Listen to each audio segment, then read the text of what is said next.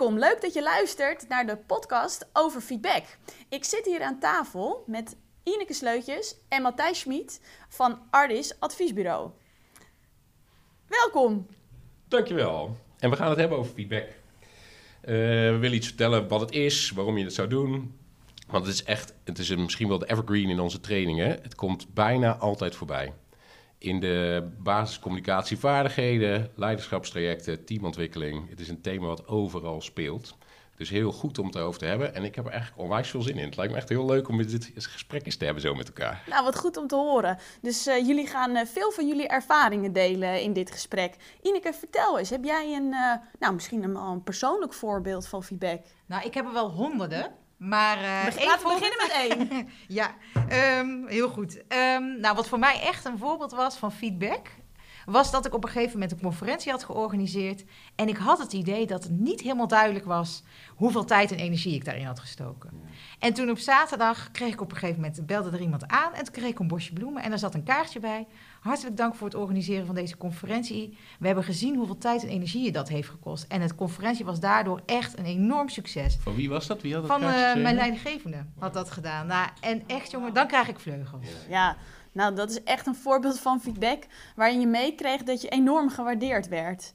En Matthijs, heb jij toevallig misschien een voorbeeld waarbij je even moest slikken van de feedback die je ontving? Oh ja, mag ik weer het voorbeeld geven waarin ik er niet zo goed van afkom? Hè? Dat lijkt me wel, ja. ja. Uh, ja, nee, zeker. Uh, ik heb wel geleerd van mijn collega's dat ik wel behoorlijk eigenwijs kan zijn. Dat wist ik eigenlijk niet zo van mezelf. Maar um, nou, ik heb dat wel een paar keer teruggekregen. Alleen ik weet nog één moment heel goed dat een collega het echt tegen mij zei toen ik... Ik vond dat ik een heel legitiem punt had, maar dat zij echt dacht, ja, nu is hier geen ruimte meer voor discussie.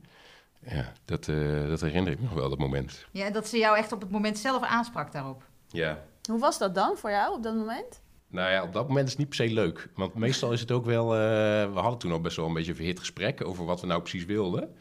Maar nu achteraf ben ik wel blij mee, want ik, ik heb daar wel van geleerd. Want ik wil toch ook het liefst samen tot een overleg komen. Ook al heb ik dan wel een stevige mening over wat we dan zouden moeten doen. Ja, mo mooi voorbeeld hoe je uh, ziet dat feedback kan helpen om een samenwerking te verbeteren. Ja. ja. Hey, uh, als we even uitzoomen, hè. Wat, wat is nou de essentie van feedback en welk doel heeft het? Feedback is letterlijk eigenlijk het terugkoppelen. Terugkoppelen van het effect dat bepaald gedrag op jou heeft. Nou, en dat is gewoon informatie voor een ander. En het is natuurlijk ook aan de ander wat hij ermee wil doen. Diegene kan het oppakken en er iets van leren. Maar wat wij vaak in trainingen doen, is dan ook vaak het volgende. Um, wij uh, sturen wel eens vier mensen vanuit een groep sturen we naar buiten. En die komen om de binnen en dan vragen we hen: ga eens een pen zoeken in deze ruimte. De eerste komt binnen, die krijgt helemaal geen feedback. Dus die hoort niet warm of koud, helemaal niks. Nou, dat is lang zoeken. De tweede komt binnen, die krijgt alleen maar te horen koud, koud, koud als hij niet goed gaat. De derde komt binnen, die krijgt alleen maar te horen warm, warm, warm. En de vierde, die krijgt te horen koud of warm. En wat merken wij? Nou, degene waar het altijd het snelste bij gaat, is als je koud en warm hoort. Want je ziet namelijk dat je zowel hoort wat goed gaat als wat beter kan.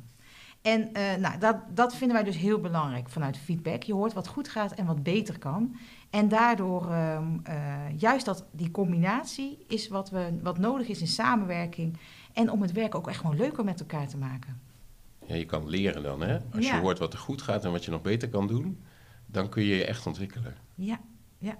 Ja, dat klinkt mooi. Je, je hoort ook wel eens, feedback is een cadeautje. Maar volgens mij voelt dat niet altijd zo voor iedereen. Ineke, hoe zie je dat? Ja, ik vind het ook niet altijd een cadeautje persoonlijk. Soms moet ik echt wel even nadenken of slikken van oeh, auw. Maar um, wat mij wel opvalt is um, dat het nog moeilijker is om het als een cadeautje te krijgen. als het op zo'n manier gegeven wordt dat het wel erg lastig is um, om deze te ontvangen. Dus bijvoorbeeld als het moment, weet je, ik ben net met vijf andere dingen bezig en iemand walst er tussendoor. of de boodschap wordt wel heel stevig gebakken, gebracht. Hè, van ah, jij doet ook altijd zo. Ja, dat vind ik het zelf nog wel lastig om ernaar te luisteren. En daarom is het ook wel belangrijk dat iemand me wel echt aangeeft... wat is nou echt het feitelijk gedrag? Wat doe ik dan precies? En dan ook zegt, wat is het effect ervan? Ja, dat heb ik dan wel nodig om het echt goed te kunnen ontvangen. Ja, herken ik. Heel belangrijk om uh, feitelijk gedrag en het effect uh, daarbij te beschrijven. En dan is het gesprek nog niet klaar. Zeker niet. Het is eigenlijk pas net begonnen.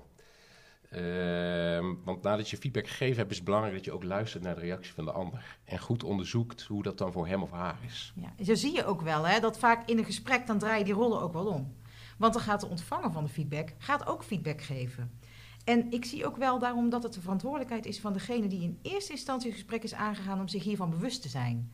Dat de ontvanger ook gaat reageren. Ja, ja, Ehm, ja. Vind jij dat ook? Ja, ja, aan de ene kant wel, maar aan de andere kant vind ik ook dat het wel, je bent allebei verantwoordelijk voor het gesprek. Dus ik vind het belangrijk dat je je allebei verantwoordelijk daarvoor voelt.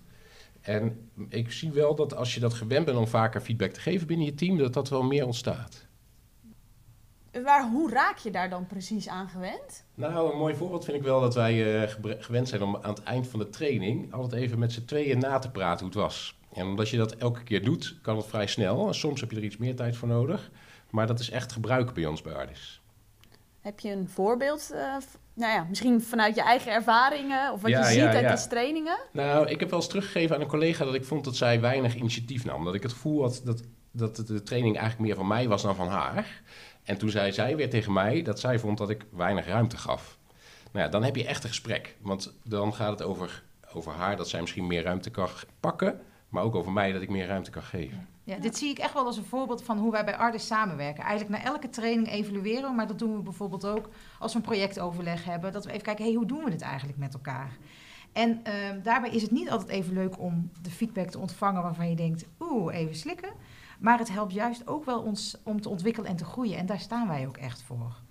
En, ehm, ja, en het zorgt dus echt voor betere samenwerking. Want je, je doet het echt met elkaar om eh, ja, goede trainingen te geven en goed advieswerk te doen.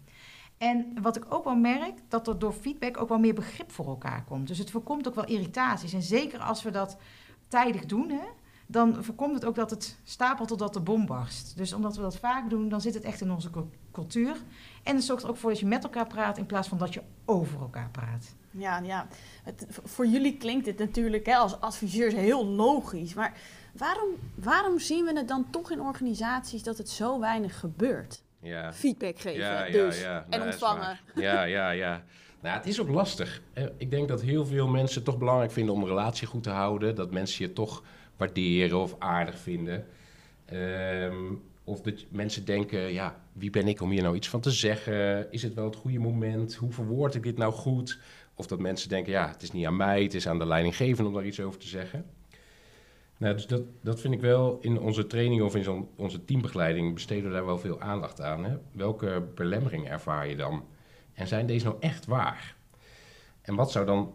Eh, Ja, vaak is, er zit er wel een kern van waarheid in, maar het helpt je vaak niet om te doen wat je zou willen, namelijk echt bespreekbaar maken wat er gebeurt. Dus als je die belemmeringen in kaart kan krijgen en eh, daar wat ruimte in kan organiseren, dat het wat minder waar wordt, dan wordt het makkelijker om feedback te geven. Nou, ja, misschien wordt wel goed om te eh, zeggen wat dan een beetje ruimte is, Matthijs. Ja, dat- hoe doe je ja. dat dan? Nou, het- ik denk dat er heel erg een kern van waarheid zit in het feit dat je de relatie onder druk zou kunnen zetten als je zo'n spannend gesprek aangaat. Maar als je het niet doet, dan wordt de relatie komt er vaak juist helemaal onder druk te staan. Ja, en heel concreet wat ik dan vaak doe bijvoorbeeld, is dat ik bijvoorbeeld zeg, ja, welke belemmering ervaar je? Maar wat neem je je nou voor? Wat zou helpen om toch feedback te geven? En wat neem je je dan voor? Gewoon heel concreet. En wat zijn dan dingen die mensen zich voornemen? Nou, bijvoorbeeld mensen die kunnen dan als belemmering ervaren, ik heb er geen tijd voor. En dan denken ze, is het dat nou echt waar dat ik er geen tijd voor heb? Of maak ik er geen tijd voor? En eh, dan denken ze, en vaak dan draaien ze het om en denken ze, ja, ik heb echt wel een minuutje om even tegen iemand te zeggen dat ik iets niet prettig vond of juist heel prettig vond. Ja, het is eigenlijk een soort bewustwording dat je het eigenlijk wel wil, maar dat, men, dat je dan toch de neiging hebt om, om dat spannende gesprek heen te lopen. En als je daar bewust van wordt, dan wordt het makkelijker om dat in het vervolg wel te gaan doen. Hè? Ja, klopt. En er is ook nog wel één ding dat ik daarover wil zeggen. Want als het gaat om de rol van die leidinggevende, die noemde jij net. Daar wil ik toch nog even op terugkomen. Want ik zie ook dat heel vaak een belemmering is. Nou, die leidinggevende moet toch feedback geven. Waarom zou ik dat naar mijn collega doen? En dat vind ik nou echt een misvatting.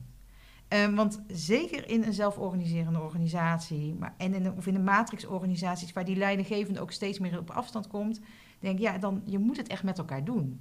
En dat is gewoon de huidige tijd. Ja. ja, en wat ik ook wel belangrijk vind om nog toe te voegen, feedback is niet het enige middel of het enige instrument wat je daarvoor kan gebruiken. Maar het gaat erom dat je als team met elkaar doelen stelt en dat je afspreekt dat je dat met elkaar wil gaan bereiken en hoe je dat met elkaar gaat doen. En als je dat afgesproken hebt, dan wordt het ook veel logischer dat je elkaar feedback kan gaan geven op de manier waarop je je doelen bereikt. Ja, daar ben ik het echt mee eens. Want daarom vraag ik ook echt altijd bij ehm, teams waar ik kom of bij organisaties: waarom willen jullie nou eigenlijk die workshop over feedback? Want het gesprek is soms veel belangrijker, zelfs vaak veel belangrijker, dan het oefenen van die vaardigheid feedback geven. Je hoort het echt te koppelen aan het doel van je team. En als je met elkaar hebt afgesproken dat je bijvoorbeeld een gezamenlijk doel wil bereiken, dan weet je ook waarom je elkaar feedback moet geven. Want je wil beter samenwerken om dat doel te bereiken. Ja, ja en daarmee wordt het ook.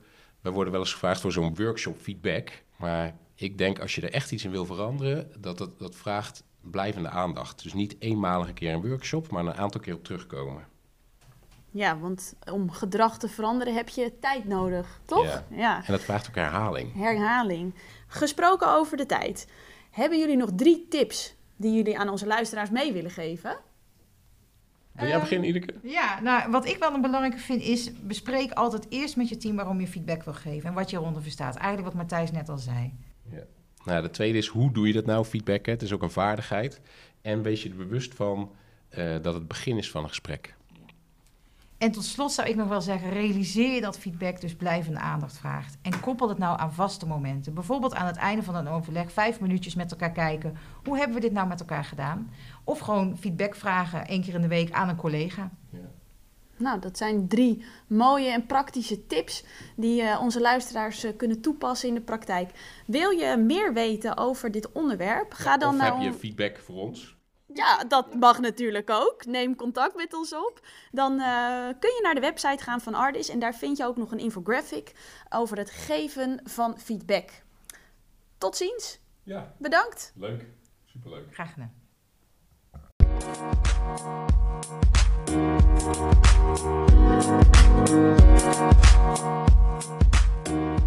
back.